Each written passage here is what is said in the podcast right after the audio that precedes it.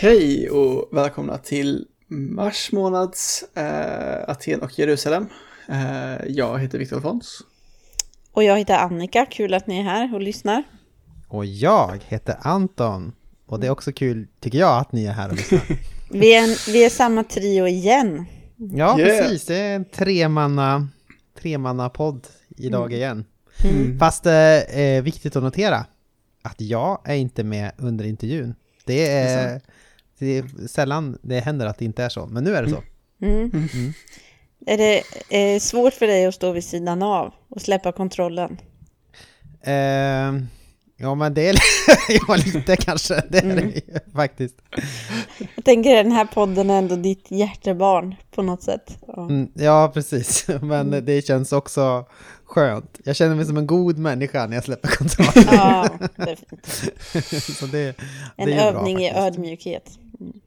Men apropå eh, hjärtebarn så är det inte bara ditt hjärtebarn.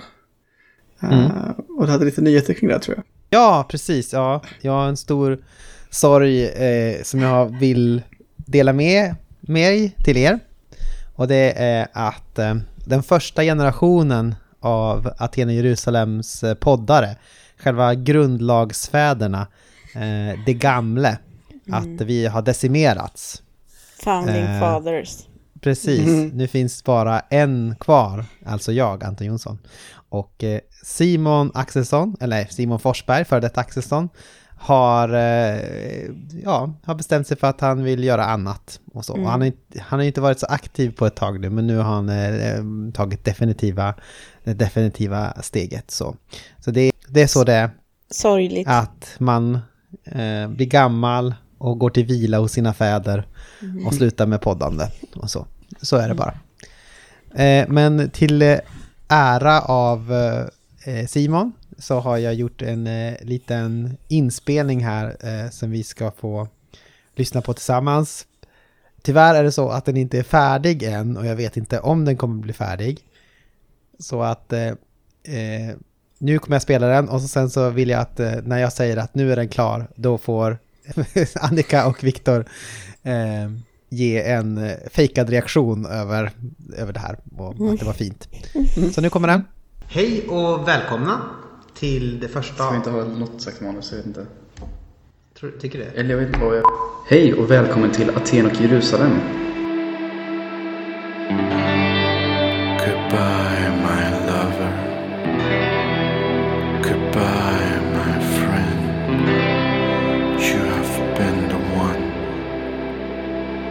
You have been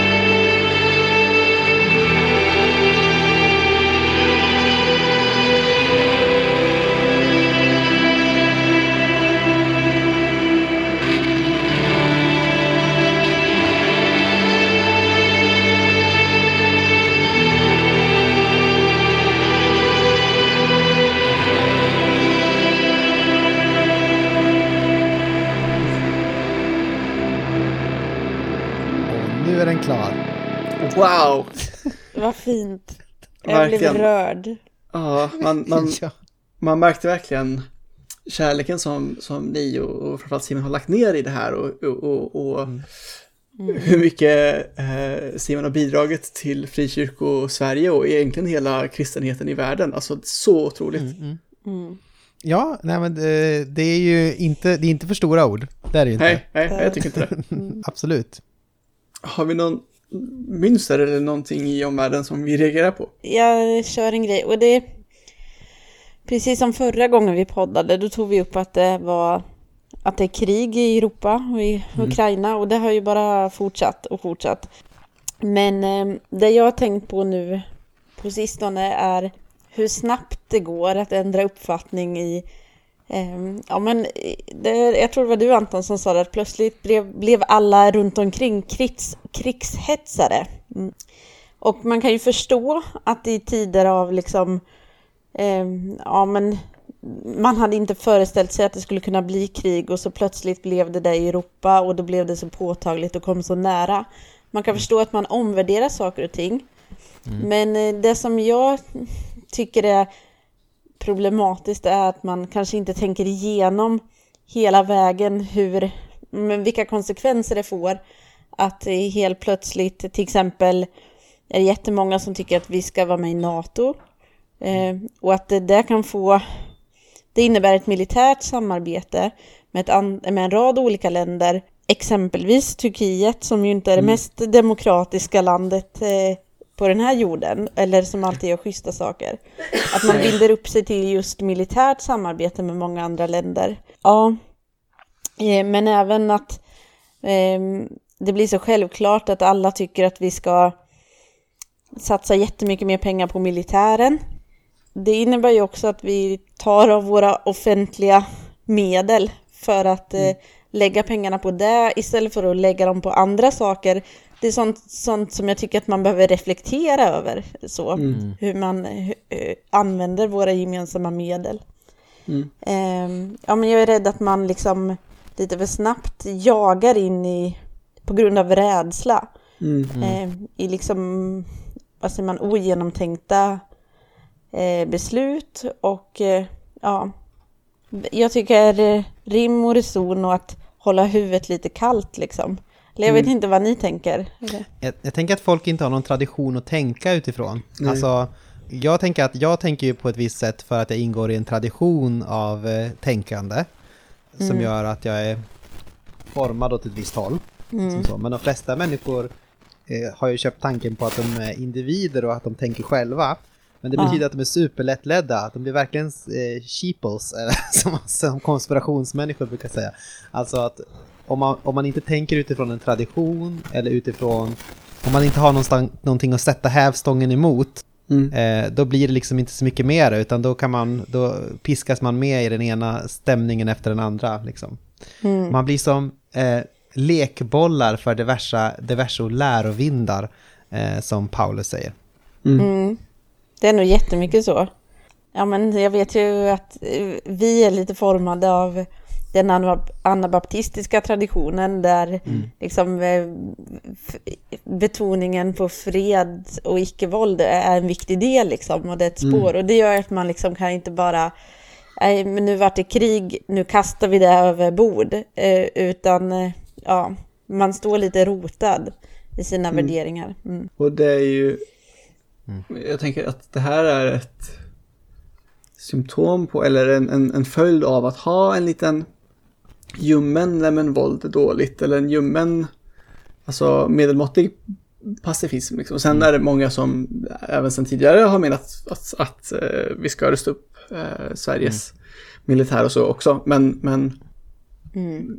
det här stora stödet då, att även både S som parti men också många röstare på S uh, till exempel helt plötsligt är mycket mer för att gå med i NATO är ett tecken på att man inte riktigt har varit emot det liksom ordentligt från sen Man har tidigare. inte varit så grundad i sin uppfattning Nej. om det tror jag. Mm. Precis, precis. Um, det är väl um, man kan säga att eh, om man då säger, eh, om man tänker på um, sossarna då, Mm. Eh, så finns det väl också det att man har, där har man också, där är det väl väldigt urholkat liksom den här folkrörelse traditionen som man kommer ifrån egentligen. Eh, mm. Så det finns mm. inte egentligen så mycket baser för det traditionella tänkandet. Och då blir man lite vad som helst som passar liksom, som parti. Mm. Så, för man mm. står inte till svars för någonting, för någon. Eller... Mm. Men du hade någon annan grej Anton? Ja, nu hade tänkt göra ett skämt här också, men det har inte spelat in det än, så att uh, ni, ni, får... Ja, ni får göra det. Okej, okay. eh, här kommer det. Eh, Siri kan du ge mig definitionen på någonting som låter som ett teologiskt uttalande, men inte är det? Kling, kling. Jesus ska vara i centrum och du som inte är i centrum ska inte vara i centrum. Kling, kling. Alltså, Det var, det var mitt Siri. Var mitt Jesus Siri. måste vara i centrum. Och det som inte är i centrum ska inte vara i centrum. Ja. Det låter som ett teologiskt uttalande, eller hur? Åtminstone Jesus ska vara i centrumdelen. Ja, ja, ja men det låter ju som ett uttalande, eh, som är teologiskt. Att man säger någonting, att vi måste ha Jesus i centrum. Mm. Och vi ska inte hålla på och ha massor med andra saker i centrum. Och då Mm. brukar man ofta säga typ i så här stridsfråge eh, stunder kanske man säger. Mm. Eh, Jesus ska vara i Fokusera centrum. på centrum. Mm. Ja, fokusera på centrum, håll, tänk inte på det perifera och sådär. Mm. Eh, så till exempel, ja men vad som helst egentligen, men eh, om, om folk bråkar om, om NATO eller något då, i församlingen, då säger man men fokusera på det, på det centrala, Jesus, och fokusera inte så mycket på det perifera. Eller, eh, ja. frågan- HBTQ-frågan. HBTQ-frågan är också en klassisk så här, men fokusera på centrum, fokusera inte på de perifera frågorna. Och, så.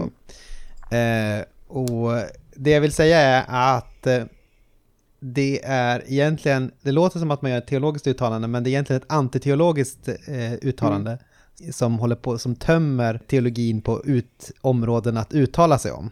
Alltså att det gör så att det här är inte centrum, det här är inte centrum, det här är inte centrum, det här är inte centrum.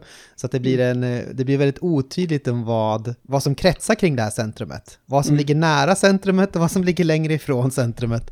Eh, eh, Det kan, och- centrumet kan bli våra projektioner av Jesu person på något sätt. Alltså, Ja. eh, vi kan lägga olika saker i det. Men vi säger, ja men det är Jesus som är centrum. Mm. Mm. Precis, det, det jag, i grunden så är det att det ingenting betyder någonting, eller det är ett nihilistiskt uttalande. Eh, fast det låter som eh, väldigt fromt. Alltså, på, det är inte som att centrumet går in och påverkar massor med saker. Det är inte som att centrumet har en gravitationskraft som drar saker till sig och gör så att saker liksom förändras av, eh, kommer in i omloppsbanan kring det här centrumet. Eh, Om ni får använda en bild från astrofysiken. Utan eh, det blir mer som att saker liksom flyger ut ifrån det här centrumet i, som väldiga projektiler eh, ut i det tomma världsrymden. Mm. Återigen, jag vet inte om det här är en bild som funkar för er, men eh, låt oss säga att den gör det. Eh, så egentligen så är det här, det låter väldigt fromt, men det är uttalanden som tömmer saker på mening eller så. Kan Därmed inte sagt att, eh, om vi då tar hbtq-frågan, att det möjligtvis är, att det nödvändigtvis är så att eh, vi ska hålla på och strida ihjäl oss över det och eh, utesluta församlingar eller eh, så för en Mm. avvikande mening. Det är inte det jag säger, eh, utan eh, men Men här, låt oss få men- hålla teologiska samtal om, och vara Precis. oense. Mm. och vara oense och tycka att, eh, och försöka hitta då, eh, hitta fram till det här, eh, vad innebär det att frågor om till exempel sexualitet är i omloppsbana kring Jesus? Mm. Betyder det Betyder det ett eh, bejakande av samkönade relationer eller betyder det ett, eh, något mindre än ett eh, fullständigt bejakande av samkönade relationer? Eller så. Eh, och eh, är det viktigare med enhet eftersom Jesus ber för att vi ska vara eniga? Eh, eller är det viktigare med sex eller så? Det är ju... Är det viktigare med enhet eller sex? Ja. Eh, så jag menar bara att eh, jag tycker att det är ett dåligt svar på, på den frågan. Ja. Mm. Och om man skulle gå till den här frågan om fred till exempel. Mm. Ja, så, så säger man, ja men det viktigaste är vi förenas ändå av att vi har Jesus i centrum och, och vill döda diskussionen där. Då tycker Mm. jag att det är liksom problematiskt om vi inte får då fråga, ja men, ja men Jesus, han, trots förväntan på att Messias skulle komma med eh, sina härar och eh, kasta ut romarna, så valde Jesus att dö på ett kors. Ja, är inte det i centrum då? Eller liksom, Ja, men- eh, och, och, och måste inte då Jesu person få upplysa vårt sätt att tänka kring de här frågorna? Men kristologisk, eh, kristologisk paci- pacifism är ju väldigt liksom fokuserad kring Jesus. Det är snarare rättfärdig krigdoktrinen som har svårare att härleda sina principer till Jesus. Men när man- Eh, Så då kan man ju inte, då kan man ju inte säga liksom att båda har Jesus i centrum av sitt tänkande kanske. Men, De här- men när, när man säger att Jesus är i centrum i sin teologi, menar man inte då att, att det ska vara liksom kristologiskt eller, eller, eller alltså att allting, in, alltid förstått det som att det är där man menar att, att Jesus är, alltså att det är, har gravitationsfält, att allting ska dras till det och ses ur den länsen liksom, det mm. perspektivet. Inte att, absolut att det kan användas som argument för att inte prata om mm, men att man bara pratar om, om eh, typ själsliga eller andliga frågor typ. Mm. Men åtminstone liksom på sistone så tycker jag att man menar att allting har med Jesus att göra. Mm. Snarare än, än att, ja tvärtom. Du, kan, du, kan, du kanske har rätt i det. Mm. Jag, tycker ofta att det jag tycker ofta att det används som ett sätt att kapitulera eller liksom mm. eh, kapitulera, sitt, eh, kapitulera sitt ansvar och tänka sa igenom saker ordentligt. Efter man mm. säger, vi har ju ändå Jesus i centrum, eller hur mm. kompisar? Mm. Mm. Jag tror, jag tror att du kan rätt i att det kan användas på olika sätt också. Ja, eh, eller på ett annat sätt. Det som du förespråkar. Eller det som du pekar på här. Vi vänder oss emot en, ett slarvigt användande ja. av Jesus i centrum. Mm. Exakt. Man får vara tydlig med vad man menar med det. Mm. Jesus är i centrum av allt. Mm. Från början och till slut. Är det bara du? Mm. Det är bara Jesus. Amen. Mm. Ja, vem har vi pratat med den här veckan då? Eller vad säger jag, den här månaden? Ja, mm. det vet ju ni bättre än jag. uh, Lina Linnumen Uh, en av de två missionsdirektorerna för uh, eh, EFK. Mm. Mm. Evangeliska frikyrkan alltså. Och, det låter kul. Mm. mm. Det, det, var det. Det var det. Och eh, Lina Li och jag har varit med i samma församling ganska länge. Eh, så hon har varit pastor i Johanneskyrkan i Linköping. Det har varit med i ganska många år. Mm. Jag vet inte om det märks i intervjun att jag ändå känner henne lite grann. Men, mm. Mm. Ja, det tilltalar henne till exempel med Lina Li istället för visionsdirektor Newman som är brukligt. jag tror absolut att hon föredrar det generellt. Men... Ja. väldigt, väldigt snabb att lägga undan titlarna Annika.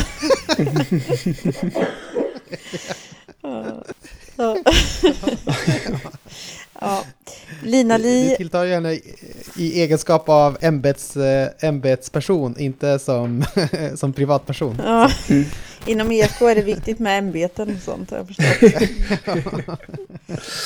ja. Men Lina Li har ju också tillsammans med eh, Ingmar Fors, som är också missionsdirektor för EFK, skrivit en bok som heter Om en jorden skakar.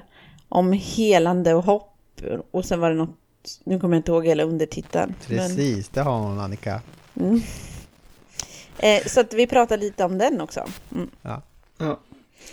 Um, och vi pratar lite generellt också om EFK och mission, missionsdirektorskapet. Mm. Um, och lite evangelikalism där också. Och lite evangelikalism, precis. Mm. Är det något att ha? Är det något att inte ha? Så vi hoppas ni ska um, njuta av lyssningen. Så, Verkligen. så återkommer vi till ett eftersnack snart.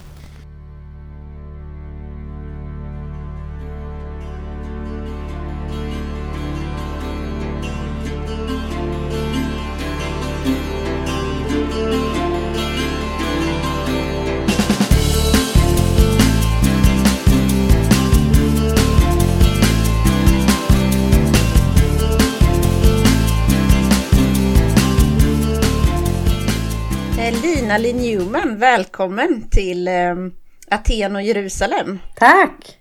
Vad roligt att du vill vara med. Mm. Verkligen jättekul. Mm. Tack att jag får komma. Hur är läget med dig idag? Mm. Det är bra tycker jag. Det är eh, mycket som snurrar i huvudet runt hela situationen med Ukraina och det vi kan göra tillsammans. Och det är mycket det jag har jobbat med nu precis idag. Mm. Mm. Förståeligt det är jättehäftigt att, att EFK kan göra och gör så mycket. Mm. Eh, både alla liksom, församlingar och, och, medlemmar individuellt men också som organisation. Liksom. Det är mäktigt. Ja, det känns verkligen roligt. Allt det som händer, att det ändå samlar liksom. Och jag tänker att vi har mm. varit i en kris som har varit så pacificerande i några år nu. Mm. Eh, pandemin. Och att det här är en annan typ av kris men som också kräver lite action av oss. Så det, ja, det kan ju vara, det kan vara bra. Det här liksom. passar kyrkan bättre tycker jag. Som Exakt, kris jag håller med. Ja. Mm, mm. Ja, verkligen. Den här krisen har ju gjort till exempel att EU har knutits närmare varandra. Eh, och, och som du sa nu, liksom, även inom EFK, tycker du att mm, vilken effekt har du observerat att det har haft på, på eh, kyrkor eh, runt om i världen eller kanske framförallt i Europa liksom? Ja, men jag tänker att det vi, vi ser är ju en väldig samling och en väldig längtan efter att få göra någonting, att stå tillsammans. Både när vi har mött andra baptistsamfundsledare som gjorde faktiskt den där första kvällen när kriget hade brutit ut den torsdagen. Mm. Då fanns det en väldig så kärlek, support, vilja att finnas och eh, ja, men, att be tillsammans och också sen väldigt snabbt gå över till handling och, och skapa vägar och säkra platser ut ur Ukraina och sådär. Och, och sen när man ser det med lite fördröjning så kom det ju liksom effekterna hit till Sverige och då har vi också sett en jättestor samling och att man vill göra någonting och att många är väldigt aktiva lokalt som du sa. Eh, men också regionalt, att man går samman tillsammans i en region och vill göra någonting. Och att vi också kan göra något tillsammans som samfund. Att vi också ställer, ställer om vårt Sverigeprogram och jobbar med den här frågan väldigt konkret nu. Eh, på många olika sätt.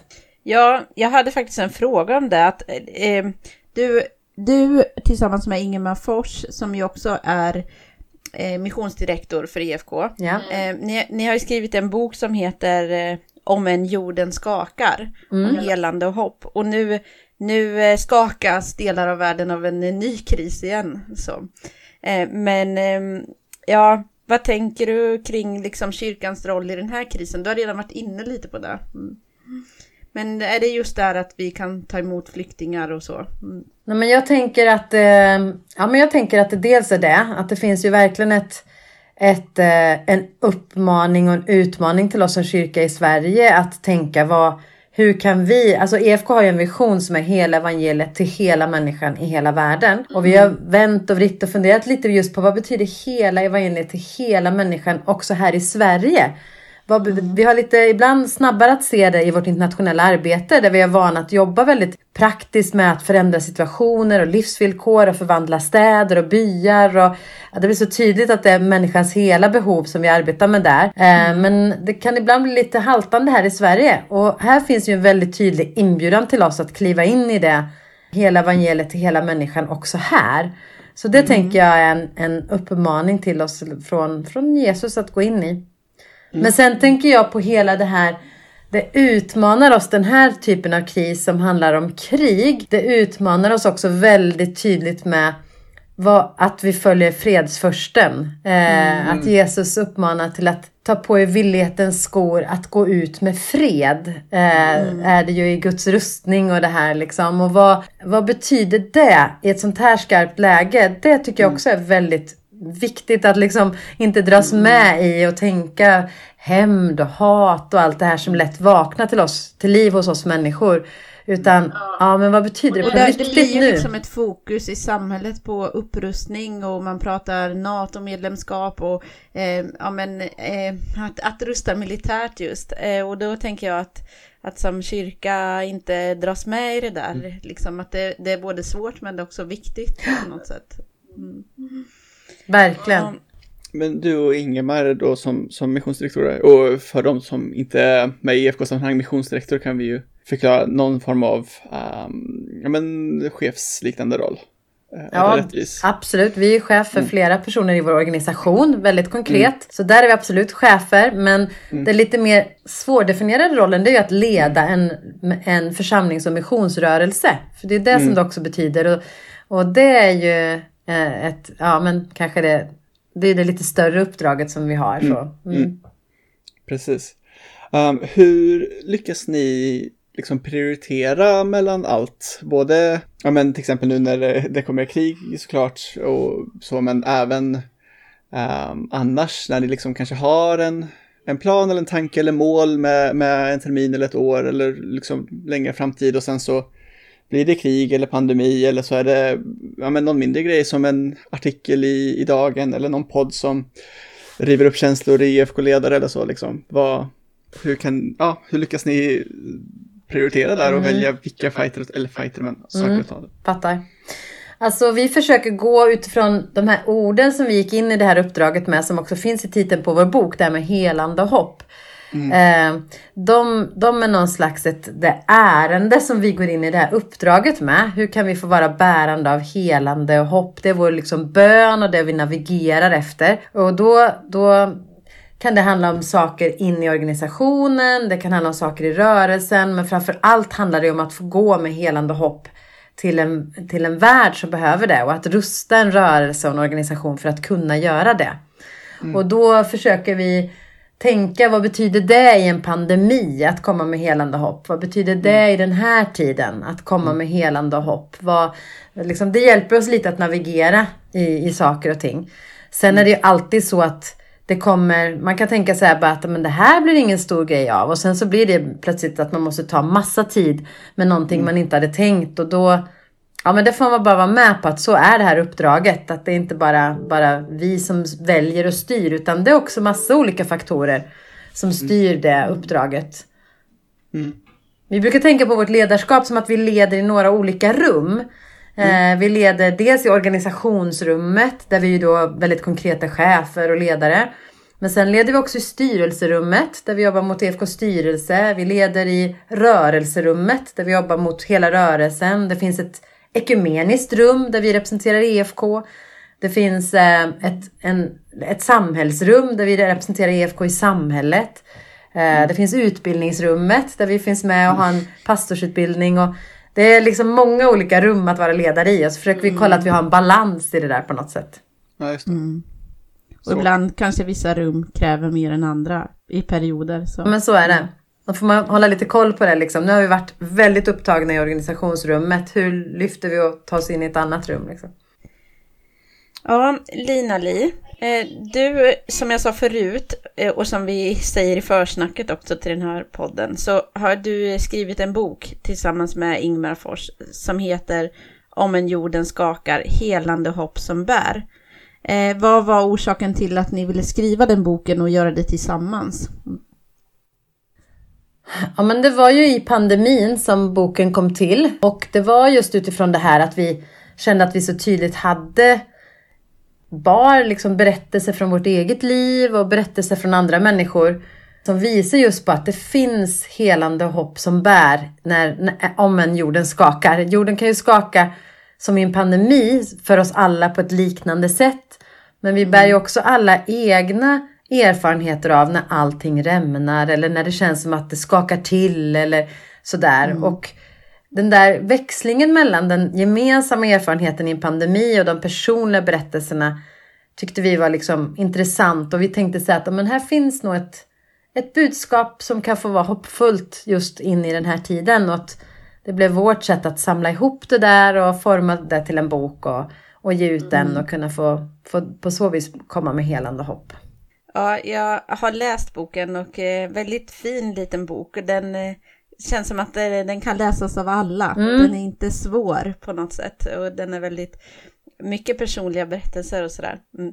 En eh, av de berättelserna som du delar med dig av, det handlar om en äktenskapskris som du och din man gick igenom. Mm. I alla fall det du skriver är att du kom en annan man för nära. Ja, men du inser lite vad som pågår och eh, liksom lämnar det eh, som händer med den här mannen och du och din man tar er vidare genom den här krisen. Och sen eh, i samband med det här eller lite senare så säger din man så här. Nu säljer vi vårt hus och flyttar så att du kan läsa teologi. Eh, och så säger han också att eh, du kommer bli en bättre pastor efter allt det här. Ja, väldigt fint tycker jag. Eh, så.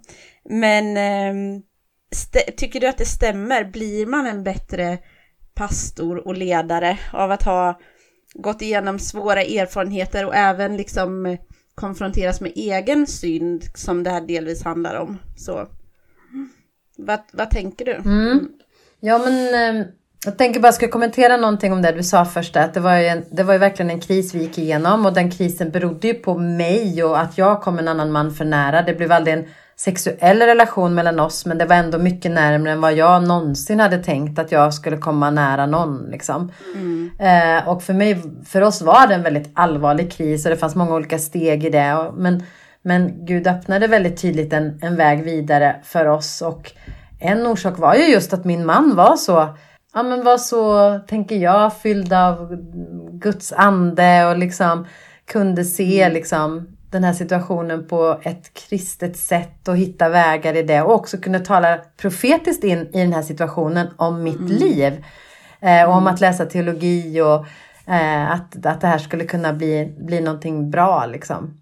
Mm. Och jag tycker det är otroligt fint, verkligen jättetacksam för det, vad han fick säga då.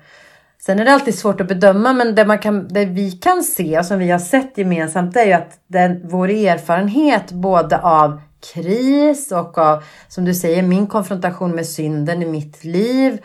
Men också av försoning och förlåtelse och nåd. Det har ju varit en väldigt god hjälp för oss. Vi har ju fått hjälpa andra människor i kris, både jag som pastor och jag och min man tillsammans. Och, eh, så det tror jag har varit jättebra eh, att ha den trygga erfarenheten av nåd men också skörheten i att gå igenom något svårt. Jag tänker att man kanske blir ödmjuk också på ett annat sätt när man har eh, ja, fått syn på egen, vad säger man, brustenhet och sådär och ja, ändå ta sig vidare. Mm. Eh, ja, det är en väldigt eh, eh fin berättelse just om, eh, om försoning och om hur Gud kan använda det svåra för att liksom leda vidare genom det. Mm. Ja, sen tänkte jag på en annan del av boken. Ehm, Handlar lite om döden. Du beskriver, eh, eh, du berättar om din morfars demenssjukdom så, och hur han successivt blev sämre och slutligen gick bort i den. Och så skriver du om att döden ofta är något vi försöker hålla ifrån oss. Men när pandemin kom så blev det som att döden också kom närmare. Så. Um, och jag håller med om att jag tycker, jag känner igen att döden är någonting som väldigt många är rädda för eller överhuvudtaget inte vill komma nära, liksom, konfronteras med. Och kanske är liksom det här förhållningssättet, den här rädslan för döden också någonting som påverkar hur vi som samhälle tog oss an pandemin. Att liksom det viktigaste blev att eh, skydda liv och då framförallt kanske liv i bemärkelsen eh, att så många som möjligt ska överleva, liksom, att det, det blev fokus. Och sen som kristen så kan man fundera på så här, finns det inte saker som är värre än att dö? Och då tänker jag till exempel på eh, många människor som blev totalt isolerade i ensamhet. Så, eh, vi skulle skydda de äldre men eh, det blev ofta till priset av att de blev väldigt isolerade under en lång tid och sådär. Vissa människor fick också dö ensamma och sådär. Och som kristen kanske man tänker att målet med livet inte bara är eh, överlevnad. Eh, så. Men hur tänker du, hur kan det kristna hoppet se ut i en sån kultur som fruktar döden väldigt mycket och eh, ja, håller det ifrån sig? Mm. Ja, men jag tycker det där är intressant. Eh, att fundera på. För att det finns ju kanske två diken. Det finns ju det diket som du beskriver som, som samhället är i. Men sen finns det kanske också ett kristet dike där man inte lever här och nu utan bara mm. lever i hoppet om evigheten. Mm. Eh, och jag tycker den stora utmaningen är att både leva fullt ut här och nu men samtidigt vara fast förankrad att vi har ett hopp som räcker bortom döden. Mm. Och, och den där balansgången att hitta det där. Det, och nu behöver vi ju verkligen i det samhälle vi står i när vi ska vara missionella. Då behöver vi verkligen peka på att det finns ett hopp bortom döden. Eh, det finns ett hopp som sträcker sig ända in i evigheten. Och, och just nu är det ju det vi verkligen behöver betona. Eh, och jag tänker att det liksom behöver vara väldigt konkret. Jag, jag har alltid älskat kyrkogårdar. Jag, jag och min man har genom åren, ofta så här när vi har haft ledig helg borta från barnen så har vi ofta eh, liksom gått promenader på kyrkogårdar och blivit sådär. Och liksom, Det har kalibrerat oss liksom i livets skörhet på något sätt. Och nu bor jag precis granne med en kyrkogård. Och när jag gick där för några veckor sedan då, då blev det så tydligt för mig trosbekännelsen så som vi läser den i mötesplatsen. Det säger vi att vi tror på kroppens uppståndelse. Och jag tycker om att det är sådär konkret. Liksom. Det är verkligen kroppar. Alltså vi är ju våra kroppar. Liksom. Det, är, en- det är en väldigt viktig del av vilka vi är. Det är inte något, det är inte något liksom andligt som bara händer. Utan vi är ju hela människor med, med en kropp. Liksom. Och Gud, Gud blev kropp i Jesus. Och vårt hopp handlar ju faktiskt om det. Att vi ska, kroppen ska uppstå. Och för- för mig är det tröstande att det är ett så handfast hopp som vi har. Liksom. Sen tänker jag på det här, vad som är värre än att dö. Jag tänker också utifrån det här kriget så har jag också tänkt på det att ja, men det är ju värre att döda än att dö. Och hur ska vi förhålla oss till det liksom? Och hur ska vi... Ja. Det är också en kristen syn på döden liksom. Det finns saker som är värre än att, att dö. Eh, Och vår, vi har en frälsare som var beredd att gå i döden men inte att eh, gripa till svärdet, om man säger. Ehm, ja, det gör att man får ett lite speciellt förhållande till döden, tänker jag. Mm. Mm. Du kommer in lite på det här med att vara missionell och det är också ett tema som finns eh, ganska mycket i er bok egentligen. Ehm, det missionell är ju för övrigt en av EFKs fyra grundord, va? mm, det stämmer. Ja. Ehm, men nu tänker jag fråga en fråga som lite kommer från Ingemars kapitel, men jag tror du har, eh, har kloka tankar kring det ändå. Jo, men då skriver Ingemar så här, att när det blåser omkring oss i livet eller när vi går igenom kriser, då kanske vi tänker så här att ja, men först så ska jag hålla ut genom den här krisen. Sen när jag är igenom det så kan jag kanske ge vidare hopp till andra eller betjäna andra. Men så säger han som jag tycker var fint fångat, att ordningen kan också vara omvänd.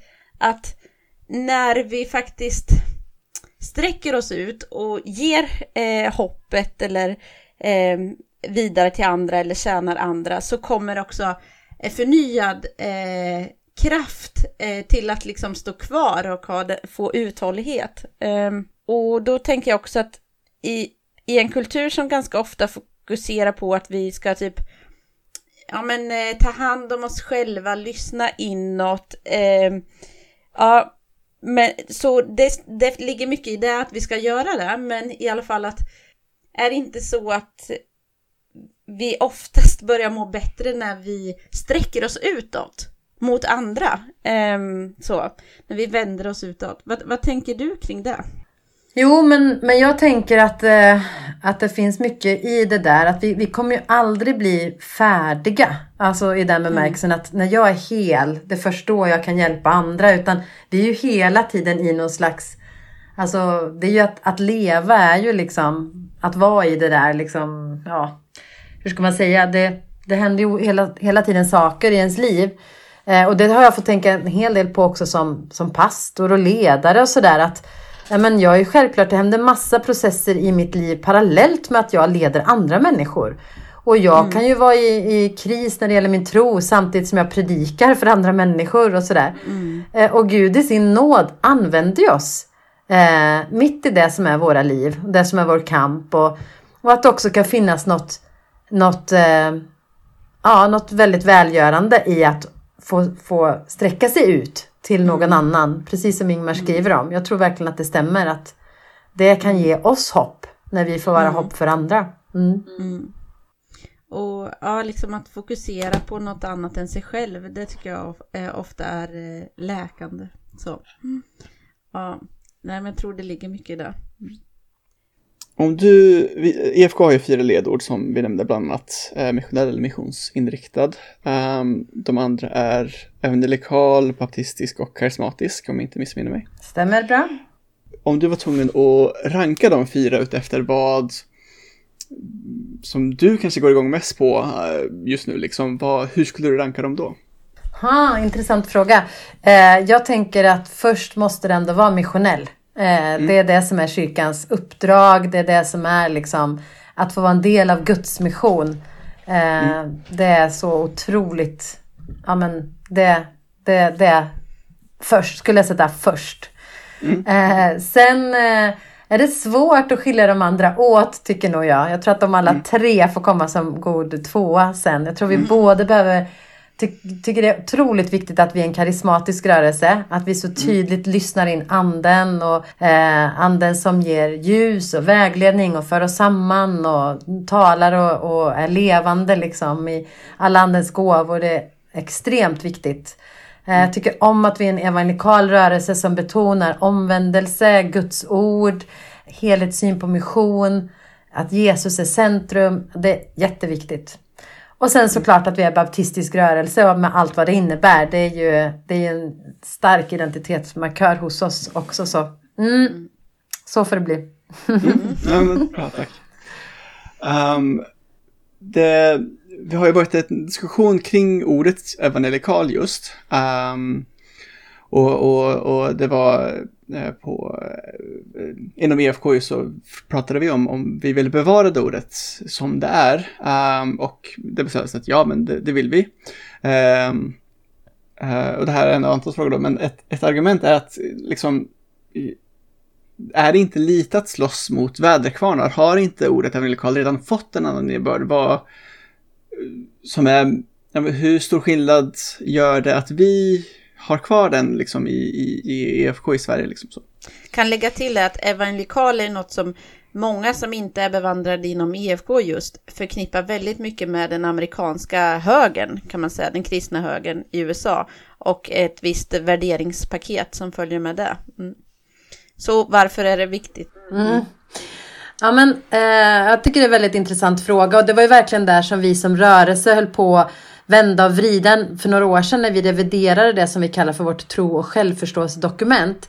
Där vi beskriver vår teologiska grund. Och då, då var vi just och vände jättemycket i det här. Och det finns ju, om man har ett amerikanskt västerländskt perspektiv, då, då tänker jag att då finns det verkligen Eh, då, då bör man verkligen fundera mycket på den grejen. Är det för liksom, använt? Och om man googlar evangelikal, liksom, då är det väldigt ofta förknippat med höger högerkristna i USA som står på, ja men helt, eh, så, ja men som vi inte identifierar oss med det paketet helt enkelt. Men mm. om man har ett annat perspektiv, om man har kyrkan i syds perspektiv på evangelikal, då betyder det något annat och vi är ju en internationell rörelse där det i vårt internationella arbete, när vi möter partner i, i, i syd som i eh, Afrika eller Asien och på olika håll, då då skulle det för dem vara väldigt märkligt om vi sa att vi slutade vara evangelikala. För i de samarbetena och i de när vi står där, då betyder det något annat. Då betyder det verkligen den här betoningen på helhetssyn på mission, att stå på de svaga sida, att arbeta med fattigdomsbekämpning, att finnas i det. Och mm, mycket mer det som vi identifierar oss med evangelikal. Och just eftersom vi är en rörelse i partnerskap med också väldigt tydligt kyrkan i syd så kände vi ändå att nej men, där blir det märkligt att göra den markeringen att inte mm. vara evangelikal. Liksom. Så då, då landade vi ändå in i att nej men den, vi tror fortfarande på då att mm. försöka ha, fylla den med det som vi tänker är, eh, är den här betydelsen av evangelikal som vi delar med väldigt många av kyrkan mm. i världen. Liksom. Mm. Mm. mm. mm. Jättebra bra svar. Och det, Får se om ehm, Anton tycker det sen också då. ja, precis. Nej, men det är jättebra att bli um, ja, men påmind och, skifta perspektiv från, från bara västerländskt också. Uh, mm. Det är, tycker jag, en av IFKs styrkor att vi har ett sånt. Mm. Uh, inte bara det... att, ja, men att vi har ett kontaktnät med, med samarbetare liksom, utöver världen. Liksom.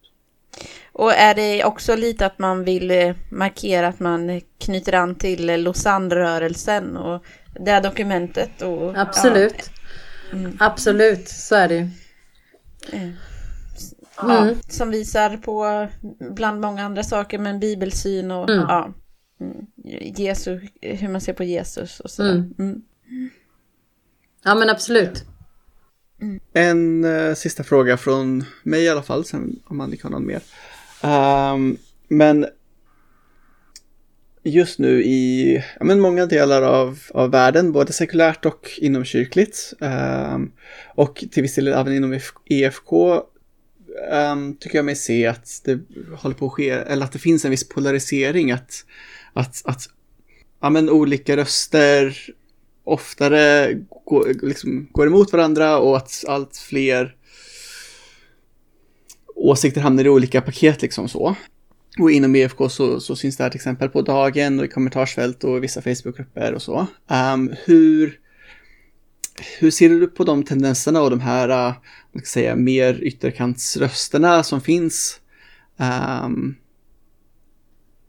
men inom vår rörelse och, och, och vår, liksom EFKs framtid i det? Hur kan man, liksom, ska man försöka göra alla nöjda eller är det alltid bäst att vara i mitten eller är alltså? Ja men precis. Det...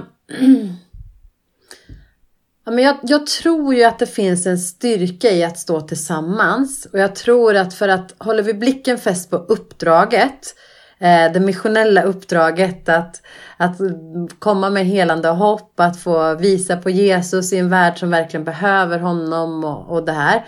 Eh, jag, jag, tror att det finns en väldig kraft i om vi då kan, alltså att vi kan stå tillsammans i det uppdraget, att vi får stå bredvid och intill och bygga det där.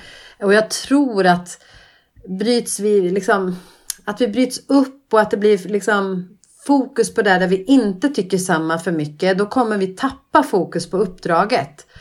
Eh, jag har mm. svårt att se att vi skulle mm. liksom vinna fler människor på om vi försvagas i mindre delar. Så att mm. jag tror att det finns en väldig styrka i att fortsätta stå tillsammans med fokus på det missionella uppdraget.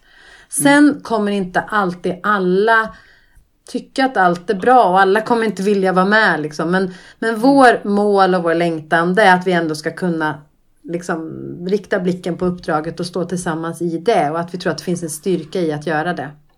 Men eh, mm, utmanande är det verkligen. Men det är, ja, det är ju utmanande och jag tänker på eh, vi behöver inte diskutera den frågan jätteingående, men liksom en fråga där eh, som rör upp mycket känslor är ju den här om eh, ja, men homosexualitet, mm. ja, framförallt samkönade vigslar eller yeah. eh, kan homosexuella vara ledare i kyrkan och sånt där. Och det är så lätt att det på något sätt gör att man ja, att man inte ser varandra som kristna systrar och bröder utan som fiender. Typ. Och att eh, ja, men ni vill liberalisera kyrkan, säger den ena gruppen. Eller ni tycker inte att, eh, ni respekterar inte människovärdet, kan man höra från andra ja. sidan. Så. Eh, och jag kan tänka mig att det är en utmaning att ja, men de här samtalen måste ju få föras. Alltså, man kan inte, inte bara trycka ner dem, men en utmaning att låta dem föras på ett bra sätt. Men jag, jag tycker ändå det är, alltså det finns mycket bra initiativ från IFK i den frågan. Alltså jag tänker på processdagen och så. Men, Precis. Ja. Nej men så är det ju verkligen. Det är ju, man tänker ju direkt på den när vi pratar om det här såklart. Eh, och jag tycker det, ja, men jag är glad över att vi tar frågan på allvar, att vi jobbar oss igenom den och att vi har de här processdagarna. Jag tycker det, ja, men det, det känns viktigt och bra. Och jag mm. tänker att i varje församling så finns ju spektrat av olika åsikter just när det gäller den här frågan om samkönade relationer. Mm. Och jag tror att det som gäller på det lokala planet gäller också på eh, liksom det nationella planet för oss inom EFK. Att jag tror att vi i det lokala planet behöver hålla fokus på uppdraget, att eh, liksom hitta sätt att hantera att vi tycker olika men ändå stå tillsammans. Och det tror jag också gäller på det nationella planet. Så att, och då måste vi hitta vägar. Hur gör vi det liksom? Och, och ja, mm. sådär.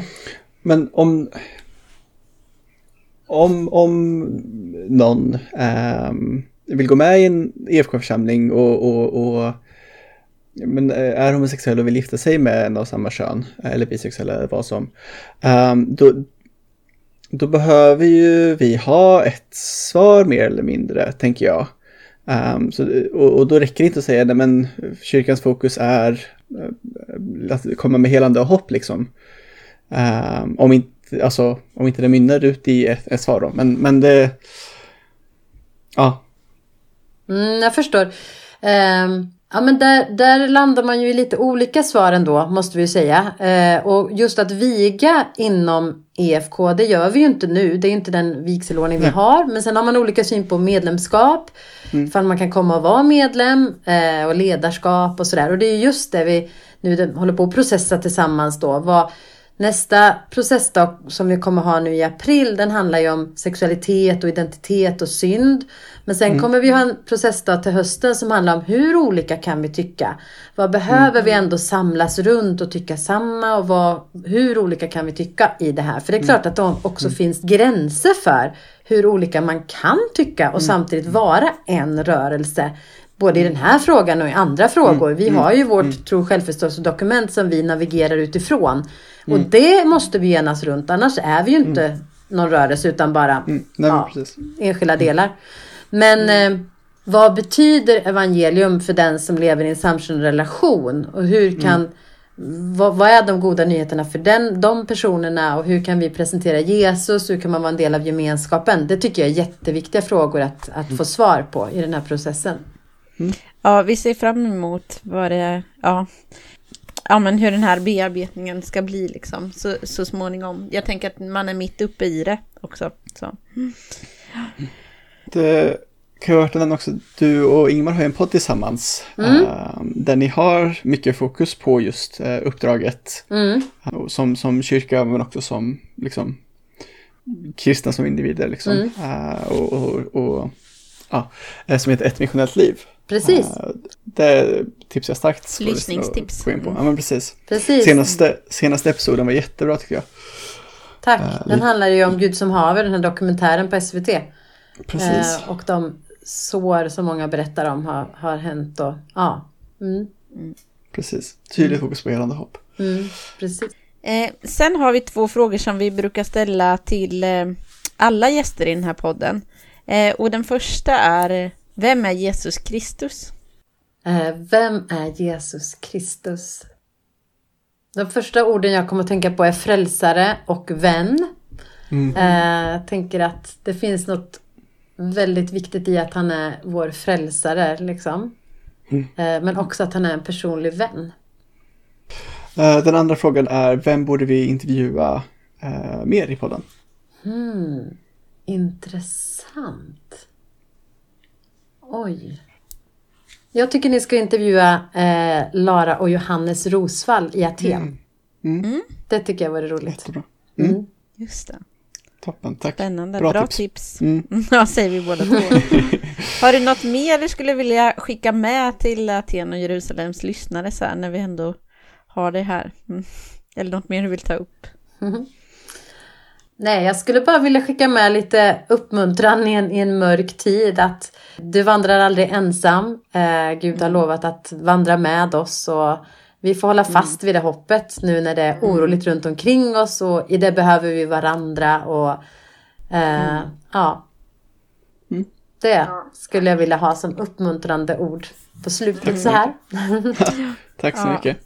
Tack så mycket. Tack för att du kom hit och var med oss i podden. Mm. Jättefint att få vara med. Tack att jag fick komma.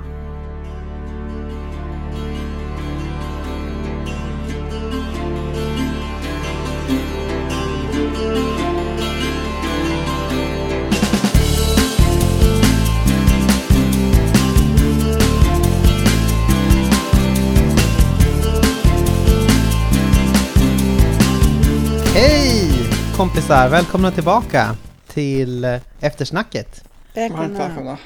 Vad roligt att eh, ni hänger med eh, till den här uh, delen.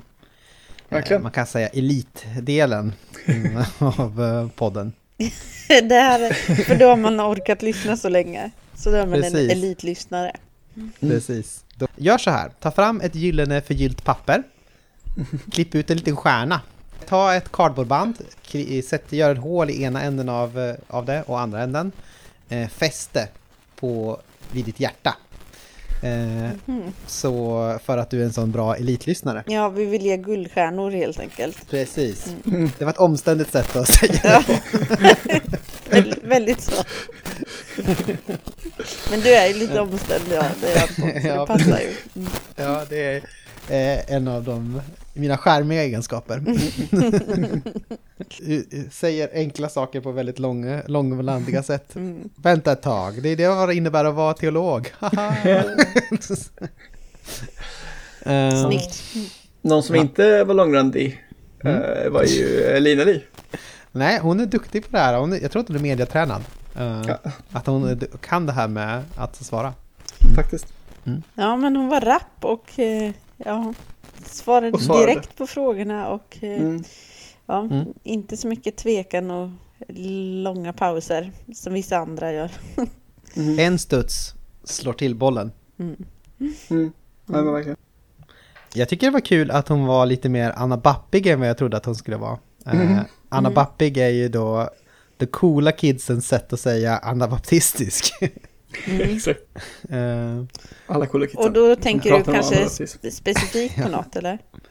nej men bara med, just i det här eh, att hon betonar det här med fredsfursten så mycket och att eh, följa Jesus i en tid av krig, att inte ge efter för, för hat och eh, så här upprustningshysteri och sådär. Eh, Mm.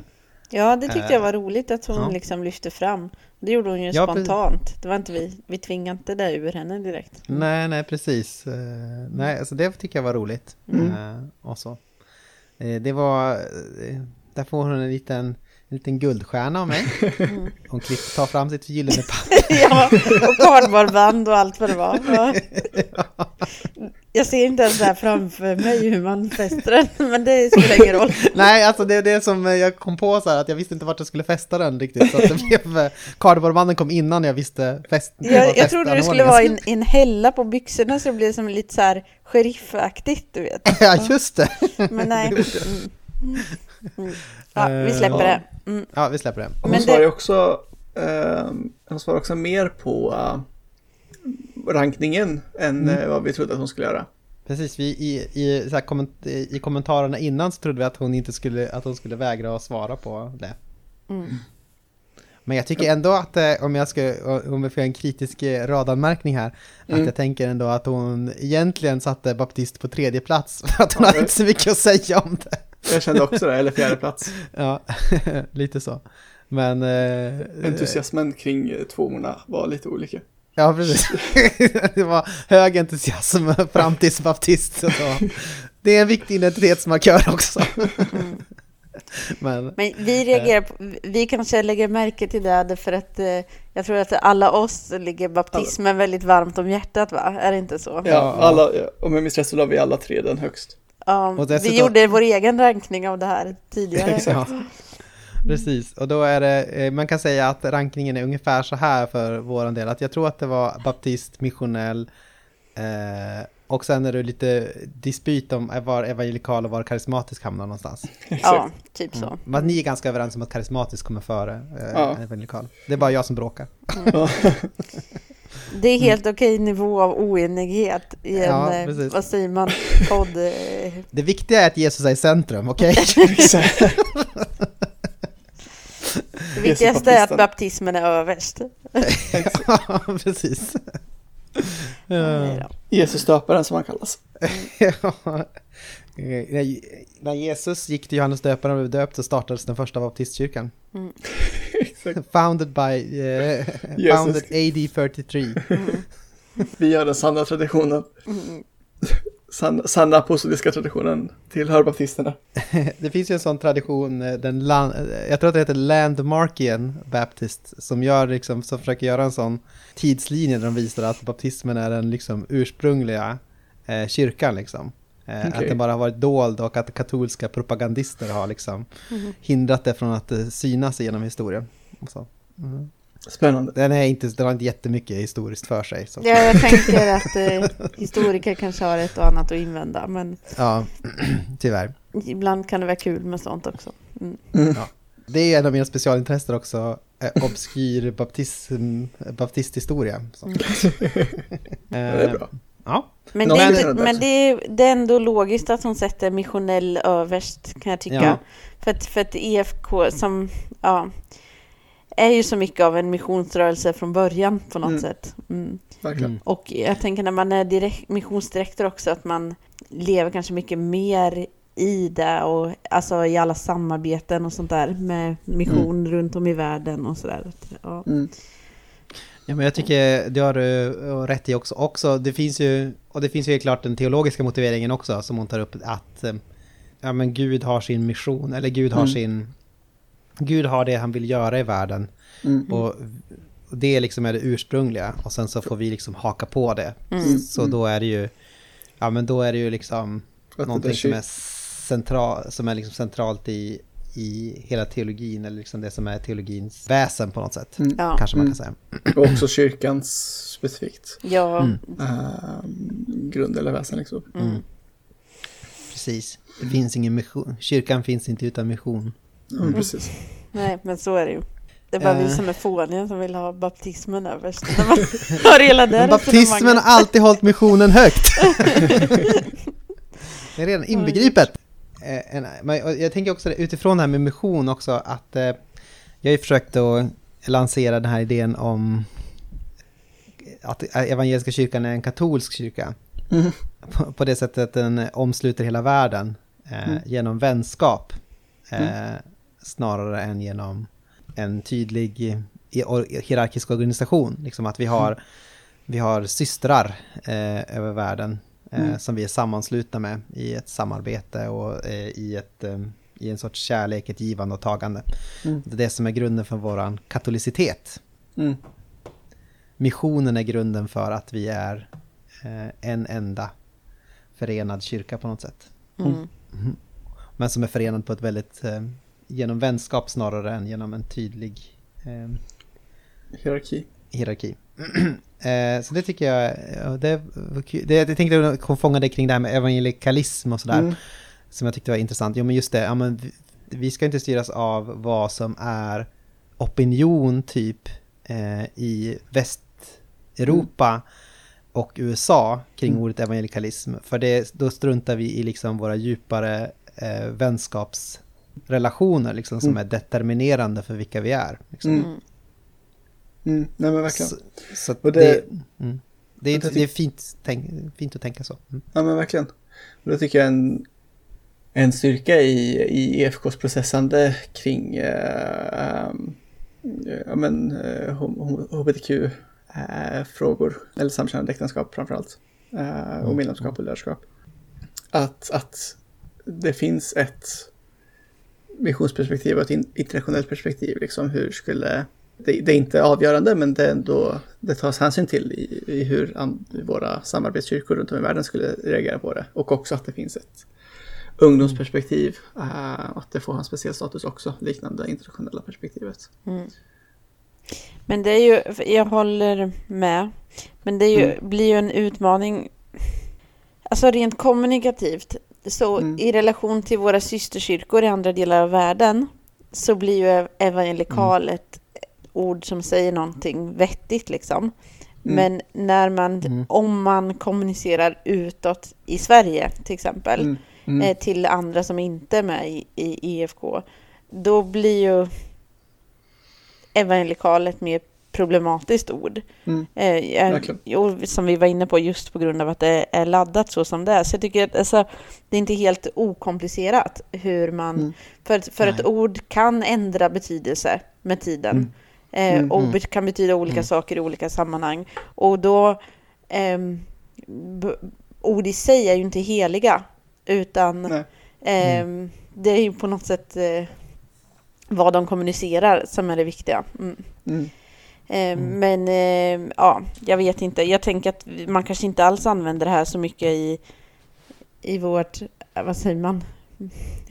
evangelisationsarbete i Sverige så är det inte så viktigt mm. att det ordet evangelikal står i ett EFKs tro självförståelse. Men mm.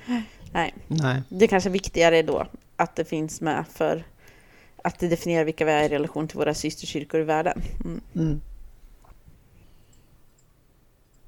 Jag tycker att det alluderas lite grann till det här med, och det här får väl eh, Lina Li dementerar då i officiella kanaler. Men eh, att hon betonar väldigt starkt det här med, med en, eller med att det är viktigt att stå tillsammans i uppdraget mm. och sådär. Eh, och det tänker jag är för att jag tillsammans med några andra misstänker att det är lite så här schismaktigt på gång i Mm. IFK. Eh, Alltså att det kanske kommer kunna bli en kyrkosplittring. eh, Så. Jag kan tänka mig, det kommer ju bli eh, antagligen eh, utifrån den här hur man processar HBTQ eh, teologiskt och så. Och om man då kommer till någonting som är mindre tillfredsställande för vad man, vad man i EFK brukar kalla för Stockholm. alltså det finns, om man, om man skulle göra bred eh, indelning, eh, det här är väldigt inofficiellt, men alla i EFK vet om det här, men ingen utanför EFK vet om att vi tänker så här. Att eh, där finns det ju, kan man säga, Göteborg som är den mest eh, ekumenia-kyrkiga delen av EFK. Och så finns det Stockholm som är den mest konservativa. Och sen så finns det Örebro som är lite i mitten kan man säga. Eh, och Linköping brukar vara ungefär vid Örebro. Eh, Ganska geografiskt.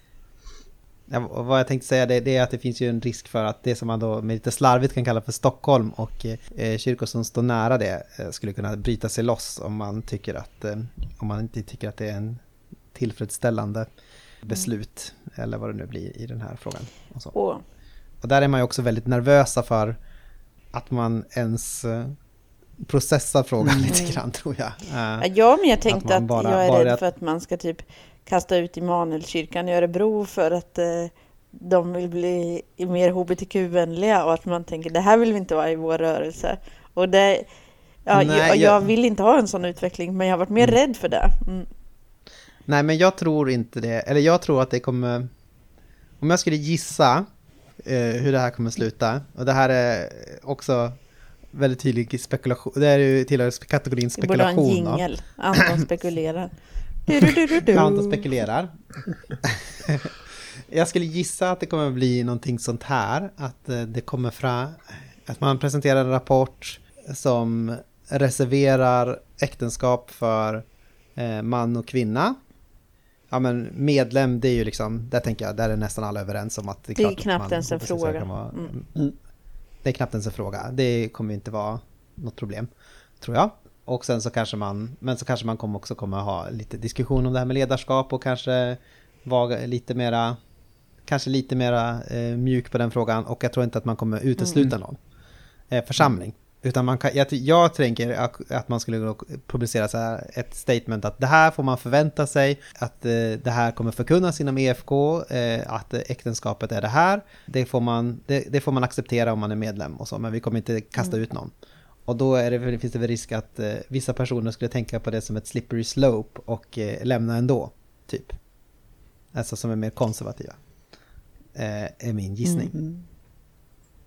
Men det är som sagt väldigt mycket en spekulation. Så. Jag har ingen som helst info, inside, inside information, vill Nej, jag påpeka. Det är en röst som ropar ur öknen. Ja, precis. Ja, tiden, eh, vad säger man? Den som lever får se. Mm. Eh, Precis. men eh, Kanske även den som dör. mm, kanske även den som dör. Mm. Något mer du har reflekterat Mm. över, du som har lyssnat på intervjun med Lina Li? Eh, Okej, det kan jag väl säga också att jag tänker att det finns väldigt... Det finns väldigt mycket misstänkliggörande av, av EFKs ledning, eller vad man ska säga, från eh, ett konservativt håll. Att man redan har bestämt sig för att de har bestämt sig för att eh, liberalisera samfundet, eller vad man ska säga. Att det finns en sorts hemlig agenda som eh, någon håller i. Men man får inte säga att det är konspiratoriskt, för då blir alla jätteledsna. Man vill inte göra någon ledsen. Nej, det vill man inte göra. Jag tänker att det alltså det är en väldigt... Det är en Jag har i alla fall inte sett någon liberalisering. Eh, det tycker jag, eller liksom, det är väldigt svårt att peka på var den äger rum. Eh, var Mm. konkret. Vi kanske borde ställa frågan till Lina Li. Håller EFK på att liberaliseras? Så. Men att vi ens processar den frågan är ju ett tecken på liberalisering. Oavsett vad man kommer fram Ja, till. precis. Ja, att det inte är självklart att det är eh, ett nekande. Ja, men, Som det, ja. som det var förut. Mm. Jo, det är sant. Men det är också en... Man processar ju olika saker i olika tider, tänker jag. Att, Alla frågor måste ju processas Ja. Personligen, på något personligen sätt. tycker jag att det här processet är lite för sent. Ja, Och lite för alltså... långsamt. Men... Det, frågan har ju, varit, har ju varit uppe liksom en viktig någonting som varit viktigt åtminstone hela 2000-talet känns det som i ungdomsrörelserna Mm, eller vad man ska säga, IFK och sådär. Så att det har ju inte varit den har ju, den har ju processats där hela tiden men har inte processats på samfunds... Nej. Och sen under tiden som tiden har gått så har det ju också förändrats, vad ska man säga så, att tillvida att fler och fler helt så att säga vanliga, vanliga medlemmar i olika EFK-församlingar har ändrat ståndpunkt eller liksom ja, på det sättet så eh, är det ju någonting som har eh, ändrat sig mycket jämfört med för 20 år sedan så tror jag att andelen som vill ha en mer bejakande hållning är betydligt större idag. Mm. Mm. Eh, Jag skulle gissa att det skulle vara en, en eh, att, det skulle, eh, att det skulle vara en väldigt rysare om man skulle ha en enkel folkomröstning Ja. eller så i, i, sam, i samfundet. Rysare som att det vore jämnt, Jag, menar du? Eller? ja. att det vore jämnt på det, eh, vore jämnt och jag skulle nästan, ja, det är inte svårt att säga men eh, kanske att det skulle vara en svag majoritet Mm. för tror jag. Jag tror det kan se olika ut För- med landsbygds och... För samkönade, eh, ja i och för sig så är det mycket, det är mycket landsbygdsförsamlingar. Mm. Ja, också, fast om man bara tänker antalet medlemmar så är det väl Ja. fler i, i eh, statskyrkor. Mm. Men generellt så är det väl så att, att jag har för mig att sätta en statistik på det, att medlemmar är mer för medan pastorer eh, är mer emot Mm.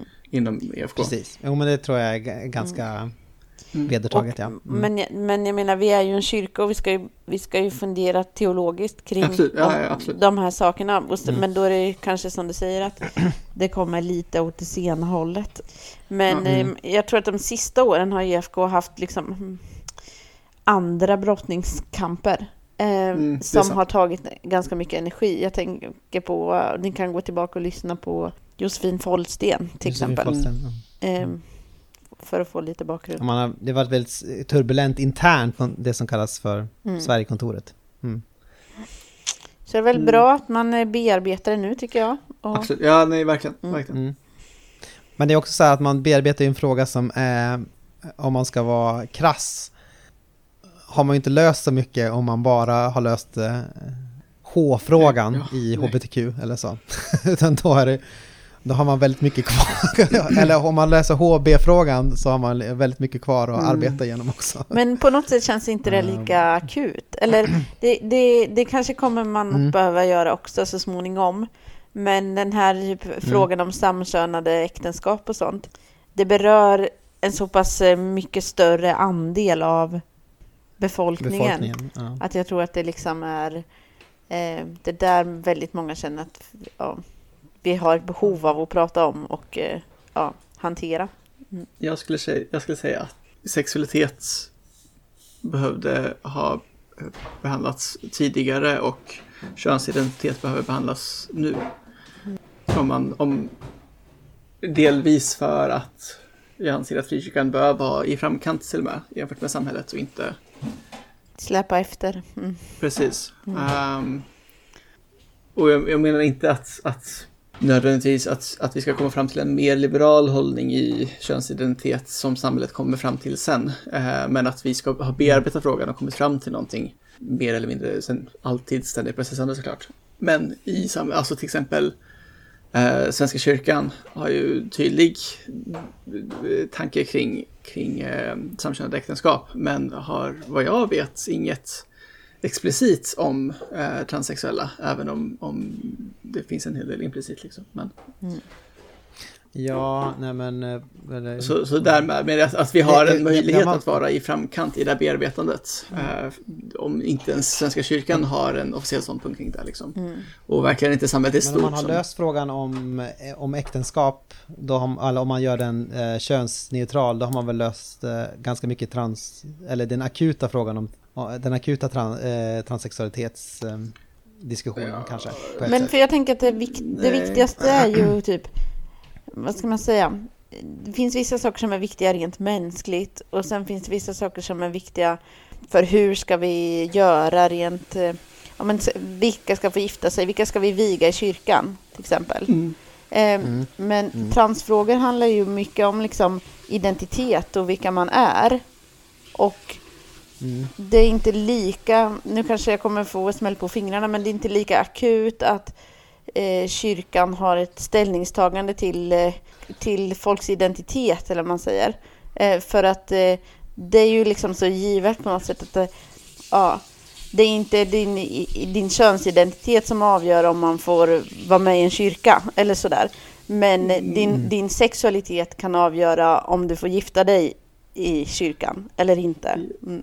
Ja, men din könsidentitet tror jag absolut kan påverka och, och könsuttryck mer än identitet ofta. För ja, det är ytan som man märker oftast. Påverkar dels hur välkommen du känner dig, hur välkommen du är. Eh, även om man liksom officiellt får vara medlem oavsett könsidentitet så, så äh, ja. Eh, och också om man ser på eh, könsöverskridande uttryck eller transsexualitet som en synd eller frukt av synd.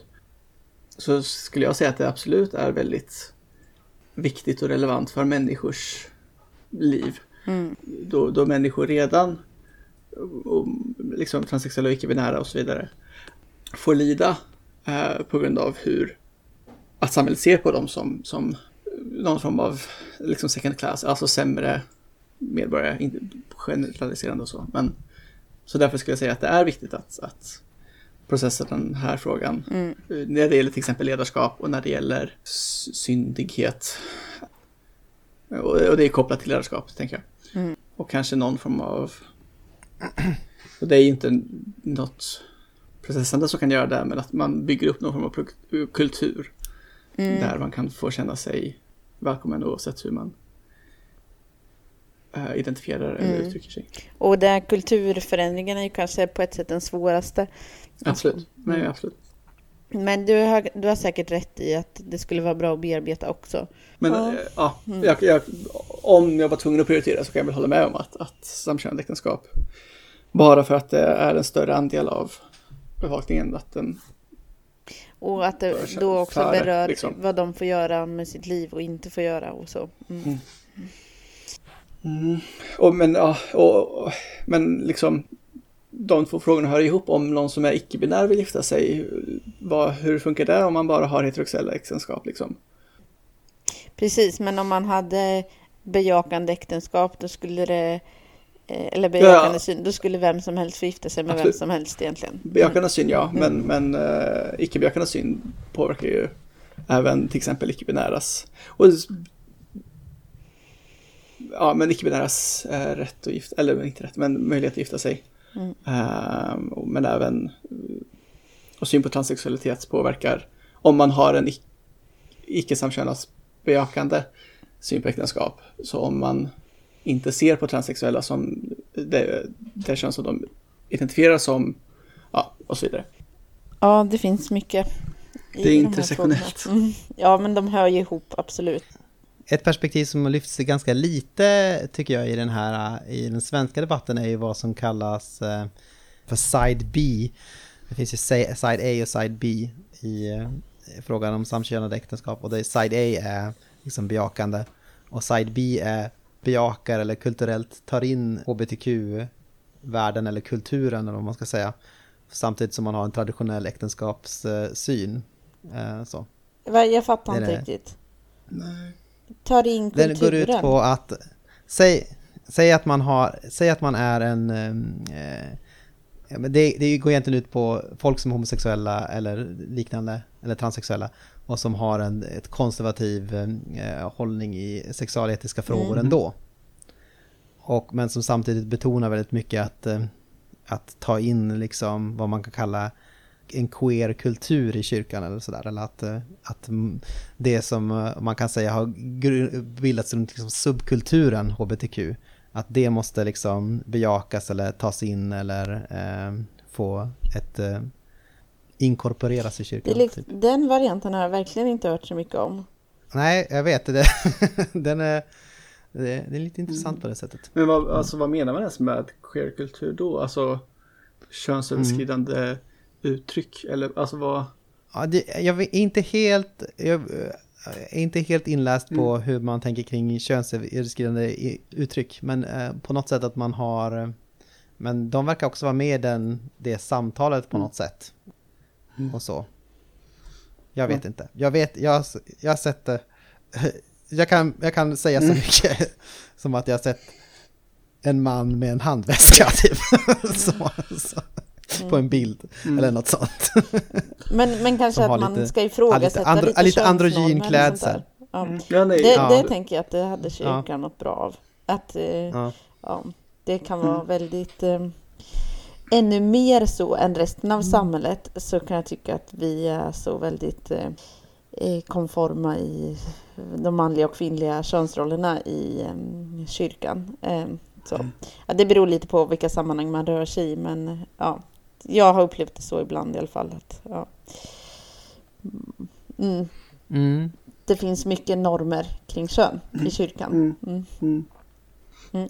Men, men eh, jag har också hört den här eh, tolkningen liksom att ehm, när, om män i frikyrkan generellt sett, om man upp, uppmuntrar ett lite mjukare manlighetsideal, att man ska vara i kontakt med känslor och så, då måste, för att vi ändå ska upprätthålla den här dik dikotomin mellan män och kvinnor tydligt, så måste kvinnorollen bli ännu mer mjukare, omhändertagande och eh, eh, servande Ja, liksom. Ehm, så, Men det är väl mycket, jo men det ligger nog mycket i det att de är- frikyrkokvinnor är ju, eller ja, de har en bulle på huvudet och är väldigt snälla. Så, ja. eh, alla förutom Annika, jag är inte så snäll. du är ganska snäll. Ja. Jag för det mesta är jag ganska Ja. snäll, men jag kan också vara ganska frispråkig. Så. Mm. Ska vi runda av? Klockan är mycket. Mm. Tack för att ni lyssnade. Kom gärna med uh, meddelanden och mail. Följ oss eh, överallt. Stödj oss på Patron. Mm. På Patreon menar jag. Var en patron på Patreon. Föreslå folk eh, som ni vill höra intervjuas. Det, Ja. det händer ibland att det går igenom lyssnarförslag, eller hur? Exakt. Ja, Föreslår det själva också. Vi har Eh. fått in åtminstone en. hon har föreslagit sig själv. Så ja. det uppskattar vi. Det kommer... Det är kul. Vi uppskattar all lyssnar-engagement. Tack Lina Li för att du eh, ville vara med och bli intervjuad av oss. Tack så mycket Lina Li och eh, tack Annika. Tack. Eh, Och tack Anton. Tack alla som lyssnat. Ja. Adjö! Blod och eld. Musiken i dagens avsnitt gjordes av eh, Jakob Hemström från bandet O Hiroshima som just har släppt ett nytt coolt, coolt album som heter Myriad. Lyssna på det på Spotify till exempel.